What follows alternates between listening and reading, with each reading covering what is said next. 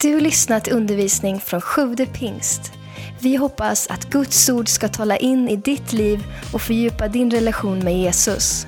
Besök gärna vår hemsida, www.sjuvdepingst.se. Johannes 4, vers 23-24 så står det, men den tid kommer, säger Jesus. Ja, den är redan här. Då sanna tillbedjare ska tillbe Fadern i ande och sanning. Ty sådana tillbedjare vill Fadern ha. Gud är ande och de som tillber honom måste tillbe i ande och sanning. Under maj månad nu så har vi ett mycket speciellt månadstema som heter Inför Guds ansikte. En serie om lovsång och tillbedjan. Det känner vi är oerhört viktigt att, att lyfta. Det finns inget som Bibeln uppmanar oss så mycket till att göra som att prisa Gud. Eh, också vårt infoblad handlar om detta.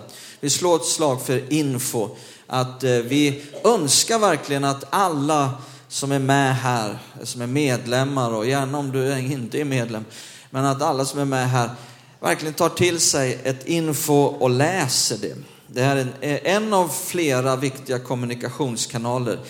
Eh, vi borde kanske byta namn på den här för att det är inte bara info, utan vi vill också inte bara informera om en kalender, utan säga någonting om vad som ligger på våra hjärtan. Vad är det vi trycker på just nu? Någonting som vi vill förmedla och kommunicera till alla som är med. Eh, sen är inte det här det enda sättet, för det är ju snålt om utrymme i ett litet, men, men det är en av många bitar där vi kommunicerar. Så ta gärna till det här och eh, läs det som finns med just nu. Då. Förra söndagen så talade vi om en väldigt viktig grund för allt detta med lovsång och tillbedjan och det är en förståelse om att du är en präst. Om du tror på Jesus så är du en präst. Om du inte var här då förra söndagen så vill jag Eh, gärna uppmuntra dig till att lyssna på vår podcast så att du får med dig detta.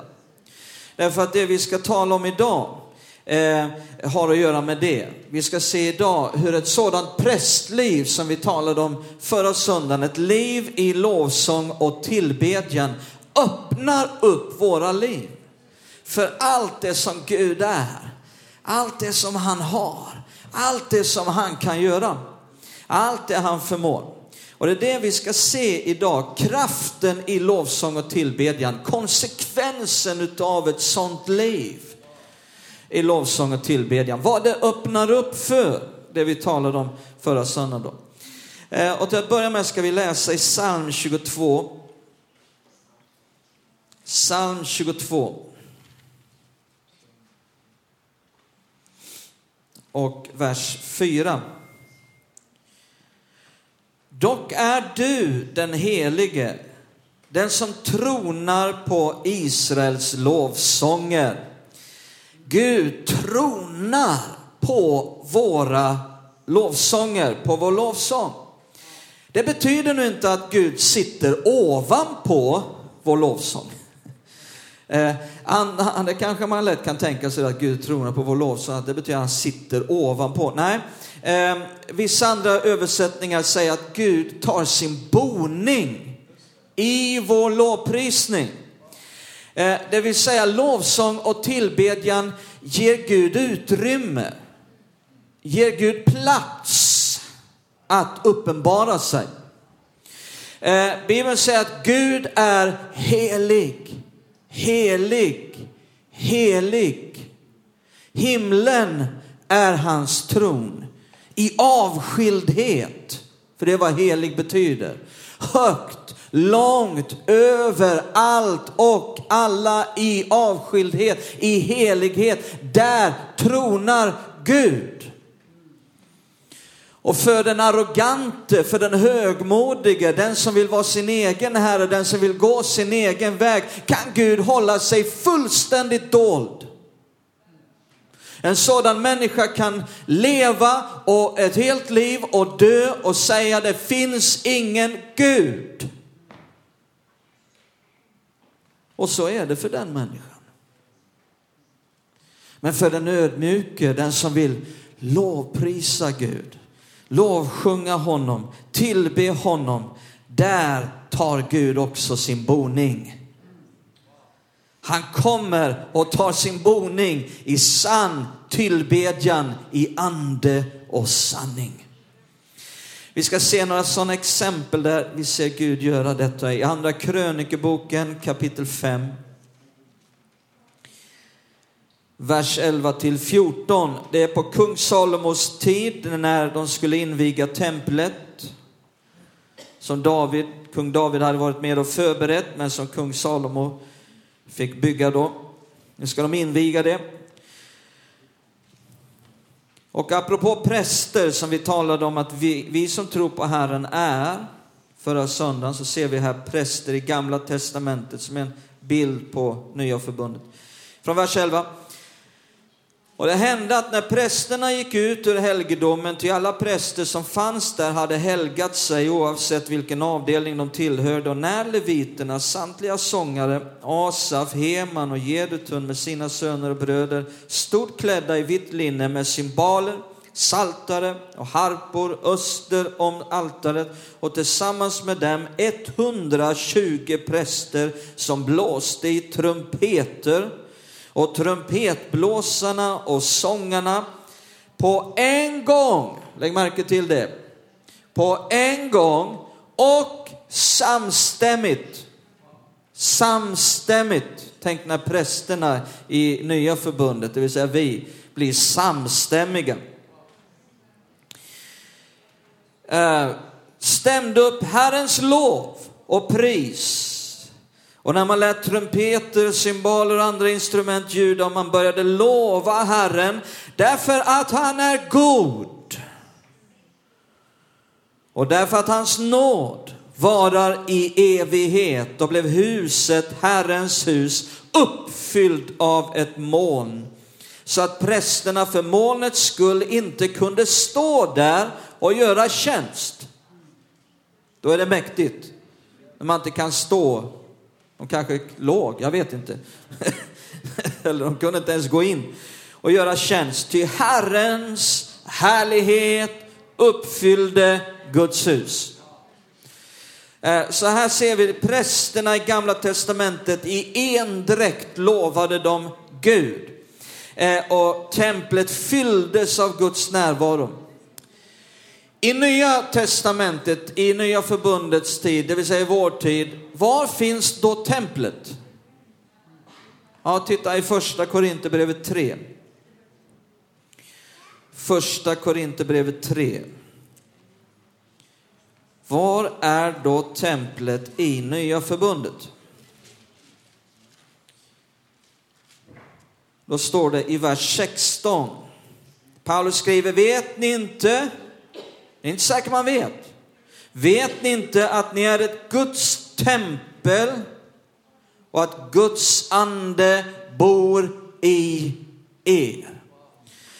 Uh, det här är fantastiskt att, att veta detta. Det finns en engelsk översättning som heter Amplified version. Den förstärker lite grann och har lyckats väldigt bra här. Ehm, och skriver så här. Inser ni inte och förstår att ni, hela församlingen i Korint, är Guds tempel, hans tabernakel och att hans ande har sin permanenta, jag gillar det ordet, permanenta boning i er. Att ha sitt hem i er kollektivt som en församling och också individuellt. Wow.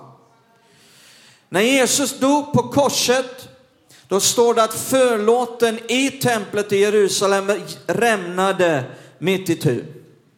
Och det visar på att Gud tar inte längre sin boning i en byggnad gjord av människohänder. Nu vill han ta sin boning i någonting som är gjort av hans händer. Du är en skapelse. Du är formad av Guds händer. Eh, inte heller den här byggnaden, den här kyrkan är ett tempel. Eh, Men vår gemenskap som församling, när vi möts i namnet Jesus, då uppstår ett tempel som Gud vill fylla. Inte bara det, du som tror på Jesus är i dig själv ett tempel. För titta här i första Korinthierbrevet 6, vi går fram till kapitel 6 i samma brev.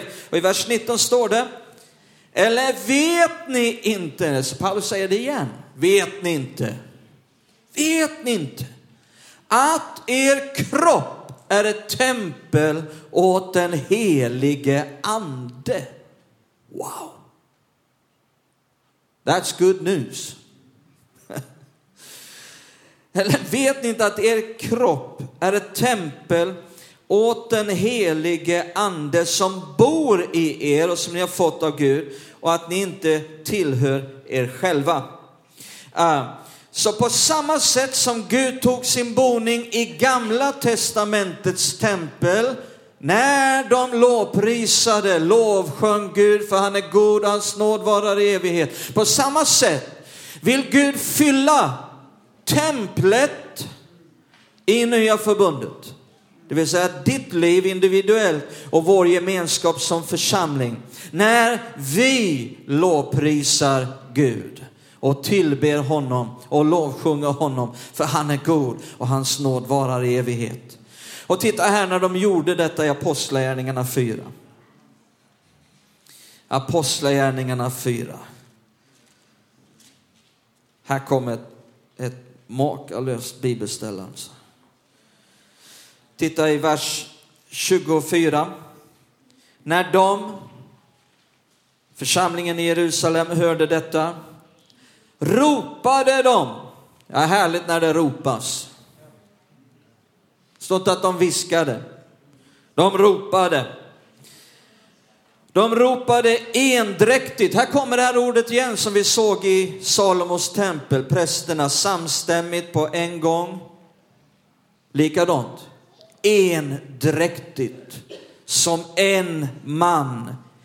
Till Gud och bad. Herre, du som har skapat himmel, jord och hav och allt som är i dem. Innan de ens la fram själva bönämnet så började de tala om hur stor Gud är. De upphöjde hans storhet. De fick fokus på vem han är. I en upphöjelse utav Gud. Och sen ber de, och titta nu vad som händer i, när de slutar. I vers 31. När de hade slutat att be skakades platsen där de var samlade. Kan vi konstatera att Gud har tagit sin boning. Nu skakar platsen. Det är inte säkert de kunde stå heller. Det är inte lätt att stå upp när hela platsen skakar. Alltså vi blir ju saliga om människor skakar. Titta nu, nu verkar Gud för nu skakar människan. Men vänta till platsen börjar skaka. Då är det ännu bättre. Då kanske vi också skakar och kanske ligger ner, för vi kan inte stå upp. När de hade slutat att be skakades platsen där de var samlade och de uppfylldes alla av den helige ande och predikade frimodigt Guds ord. När Gud tar sin boning i vår lovsång och tillbedjan, då börjar det hända saker.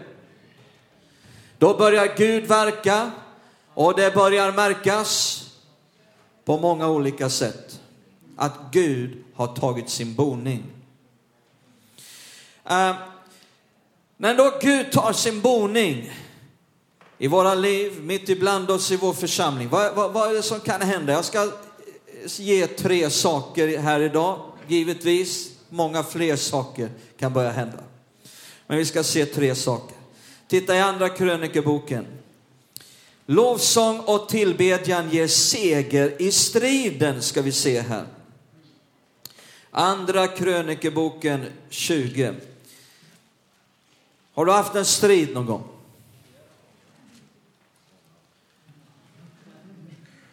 Flera har en strid just nu kanske. Andra krönikeboken 20, vers 1 till 4. till att börja med. Vi ska inte läsa alla verser i kapitlet. Gör det gärna när du kommer hem. Men för tids skull, vi tar det som får fram det vi vill se här nu. Andra krönikeboken 20 från vers 1. Sedan kom Moabs barn och Ammons barn. Innan jag fattade riktigt så trodde jag att det var barnen som krigade på den tiden. Men det var ju inte riktigt så. Och tillsammans med dem andra ammoniter för att strida mot Josafat. Han är kung.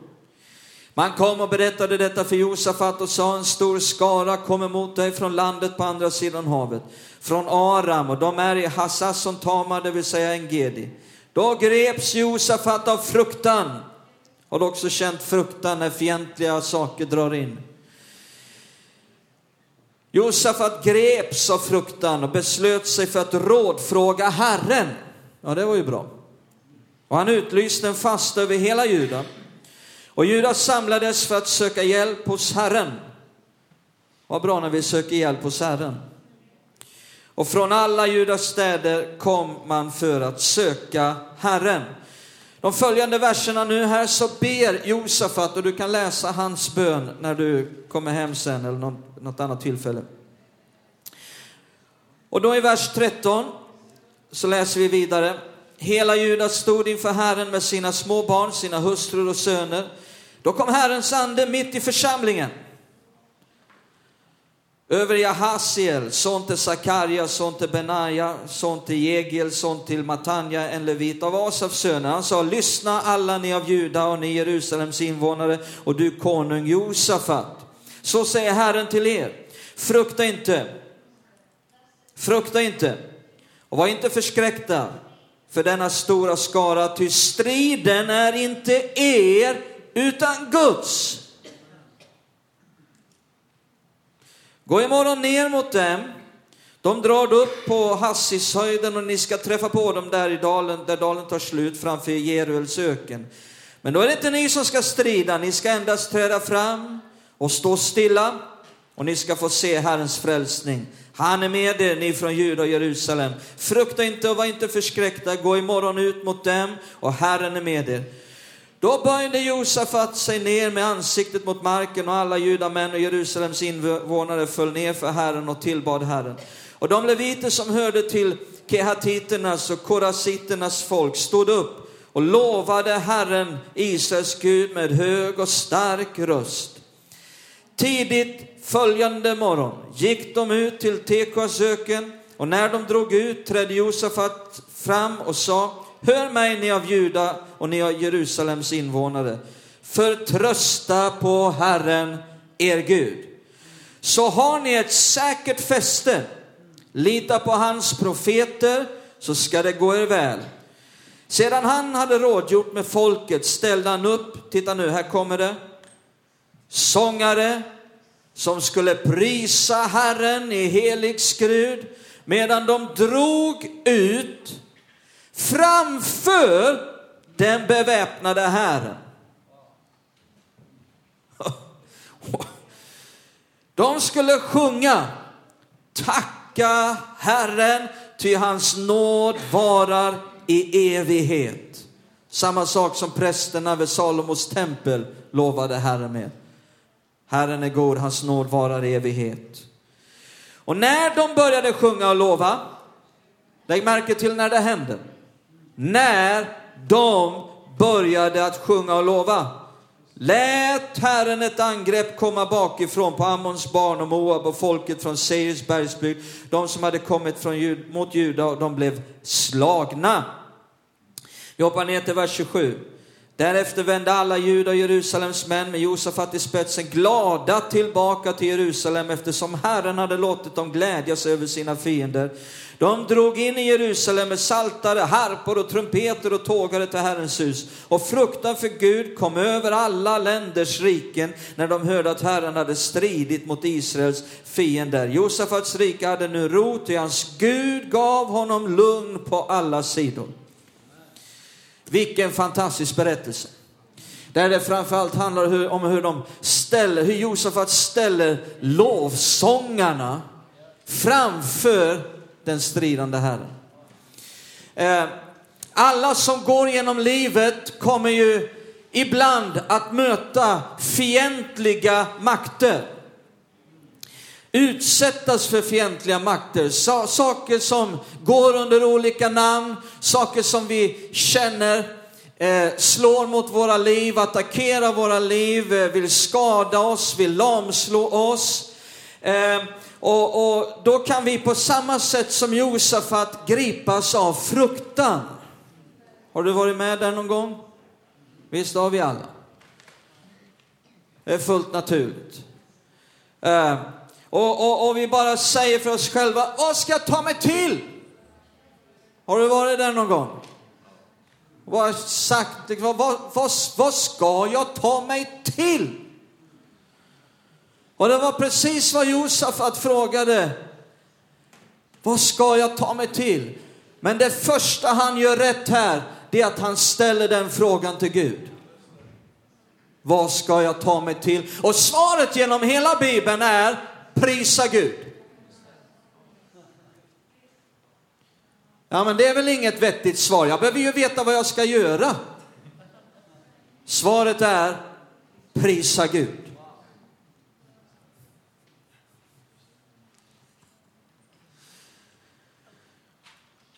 Därför att när du från ditt hjärta börjar uttrycka din kärlek till Gud, din tro på honom och börjar tillbe och lovsjunga Gud för hans godhet och nåd, då tar han sin boning i din lovprisning. Och då kan du bara bli stilla och se när han förvandlar din situation. Josafat fick svaret från Gud att han skulle bara vara stilla, för striden är inte hans, striden tillhör Gud. Och därför tänkte Josafat att då kan vi ju lika gärna ställa lovsångarna längst fram för att lovsjunga Gud. För hans godhet, för att hans nåd varar i evighet. Har du läst det där Bibeln säger Tacka Gud under livets alla förhållanden. Tacka Gud under livets alla förhållanden. Nu är det en del som har missförstått det där så de har fått för sig att de ska tacka Gud för alla livets förhållanden. Men det står inte att du ska tacka Gud för alla livets förhållanden. Det står att du ska tacka Gud under alla livets förhållanden. För det är inte Gud som ligger bakom allt som kommer emot dig.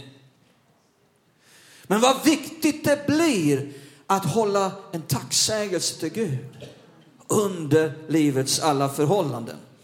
Eh, sann lovsång och tillbedjan, det är inte sista vagnen i tåget.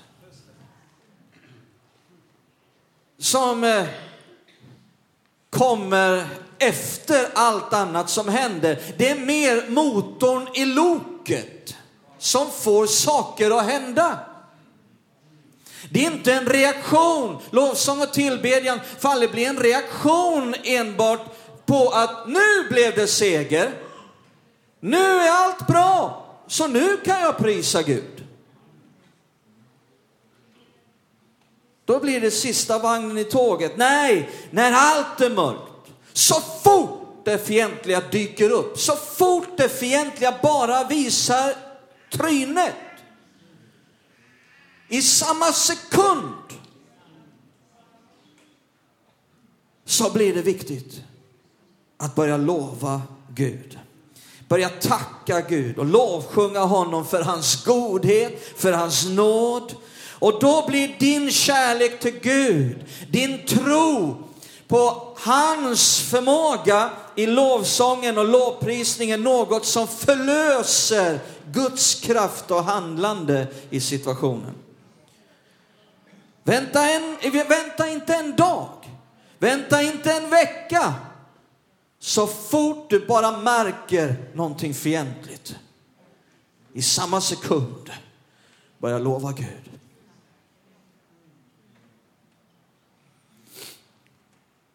Titta här nu, ska vi se något mer som lovsång och tillbedjan öppnar för. I Apostlagärningarna 13. Apostlagärningarna 13, vers 1-3.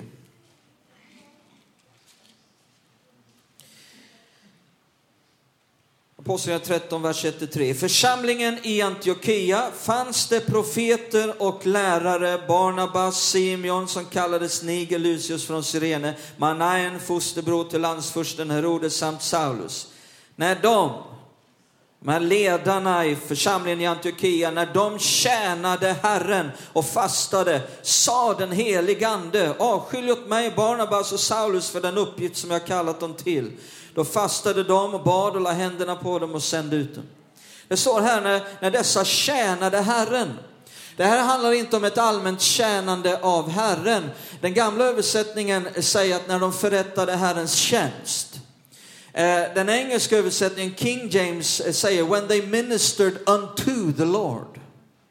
Det vill säga mer betjänade Herren. Det vill säga i lovsång, i tillbedjan, i lovprisning riktad till Gud. I den här prästerliga tjänsten. Då fick de uppleva att den helige Ande talade. Då. När de gjorde det talade den helige Ande. Inte före, inte efter, då. Ser ni hur det öppnar? För den helige Ande att, att där han kommer med kallelse, där han kommer med uppdrag, där han kommer med befallning. Och de fick vara med och se hur deras tillbedjan, deras lovprisning förlöste Guds handlingsplan.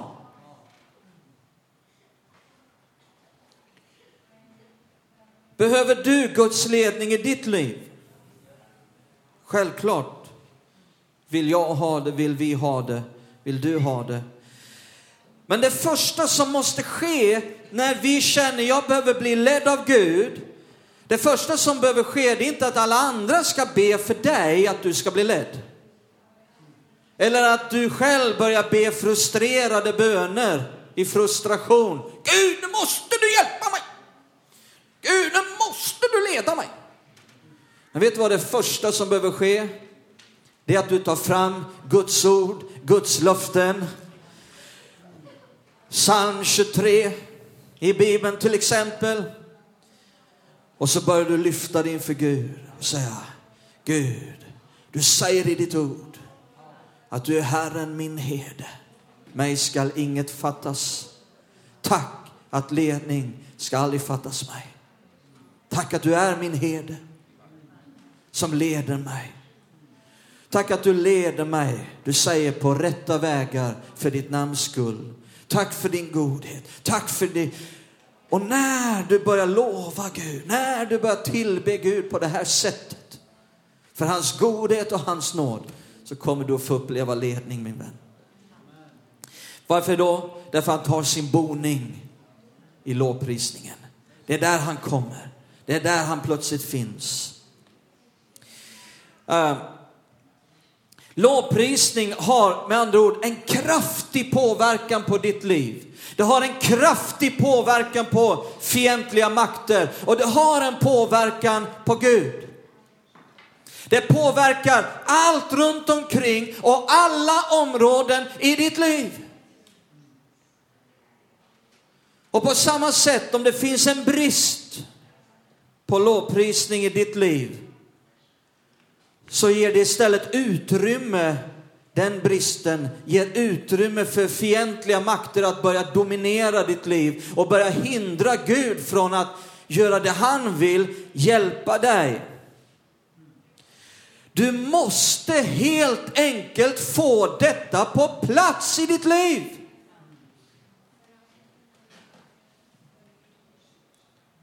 Människor vill ofta fixa saker på många andra sätt och det, det, behöver inte vara fel. Men det finns saker som aldrig kan själavårdas bort.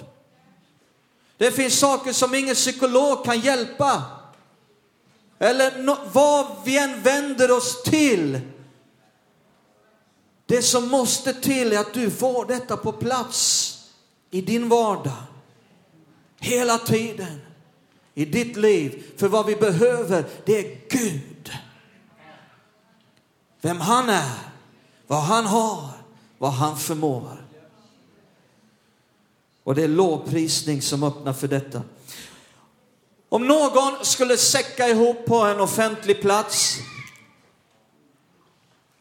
och någon med läkarutbildning kommer rusande, vad är det första de gör? De kollar pulsen. Slår hjärtat fortfarande?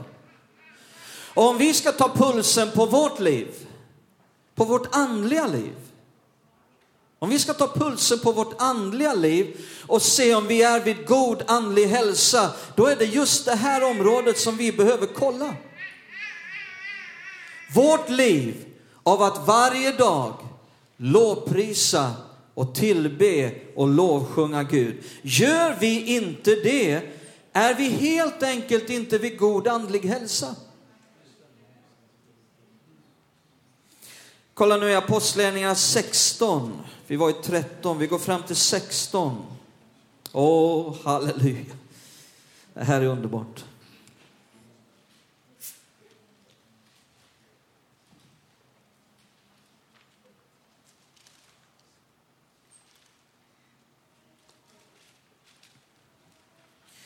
Apostlagärningarna 16, det står i vers 25 och 26. Det handlar om Paulus och Silas. De är i Filippi. Och där har de fått lida förföljelse och de har blivit inkastade i fängelse. De har blivit satta i fängelse. Och vad händer då? Jo, då står det i vers 25 och 26, vi läser inte hela texten här för tids skull. Men det är mycket underbart här runt omkring. Men i vers 25 och 26 står det vid midnatt. Kan alla säga midnatt? midnatt.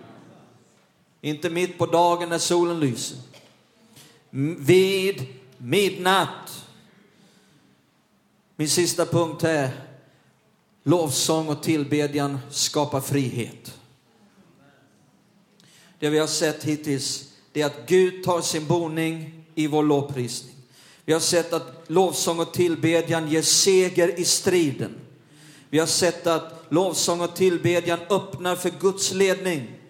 Och nu ska vi se lovsång och tillbedjan skapar frihet. Vid midnatt var Paulus och Silas i bön och sjöng lovsånger till Gud. Och de andra fångarna lyssnade på dem. Plötsligt kom ett kraftigt jordskalv så att fängelset skakades i sina grundvalar. I samma ögonblick öppnades alla dörrar och allas bojor lossnade och föll av. I den innersta, bortersta, djupaste, mörkaste, fuktigaste, svettigaste, stinkigaste fängelsehålan vid midnatt satt Paulus och Silas och klagade. Silas säger till Paulus, Paulus, du sa ju att det skulle bli en sån fantastisk missionsresa. Du utlovade så mycket fina saker som skulle hända. Min mamma varnade mig att lita på dig. Men jag följde med i godan tro. Titta nu vad som har hänt. Vad ska du göra nu Paulus? Har du någon mer bra idé va? Paulus säger till Silas. Silas, jag är ledsen. Jag hade inte tänkt att det skulle bli så här. Jag är mycket djupt. Jag beklagar det här djupt. Nej, Paulus och Silas, vad gjorde de? De sjöng lovsånger till Gud. De var inte i kyrkan, de var inte omgivna med en massa härliga halleluja-systrar och lovsång som pumpade igång dem. De var på det mest sämsta tänkbara ställe de kunde vara. Paulus och Silas de sjöng lovsånger till Gud. Och så står det, de andra fångarna lyssnade på dem. Wow! Alltså tänk er vad de här andra fångarna måste ha, ha sagt för sig själva. Vad är, vilka har de släpat hit till Filippi stadsfängelse ikväll? Vad är det för några galningar? De vet inte var de är. De tror att de fortfarande är på puben. Men imorgon kommer de att vakna och inse fakta och verklighet. Jag tror det fanns en till som lyssnade. Jag sa det fanns en till som lyssnade. Vars tron är himlen. Vars fotapall är jorden. Och det var en sång han gillade som steg upp ifrån Paulus och Silas från deras hjärtan, som steg upp ifrån Filippi stadsfängelse, som nådde hela vägen upp till himlens tron. Och jag, jag tror Gud han tyckte om den sången. Han började stampa takten, för han tyckte så mycket om den. Gud började stampa takten. Och Bibeln säger jorden är hans fotapall. Och till sist så stampade Gud takten så hårt så det blev en jordbävning i Filippi. Och fängelset skakades. Fängelsedörrarna for upp, bojorna föll av. Halleluja.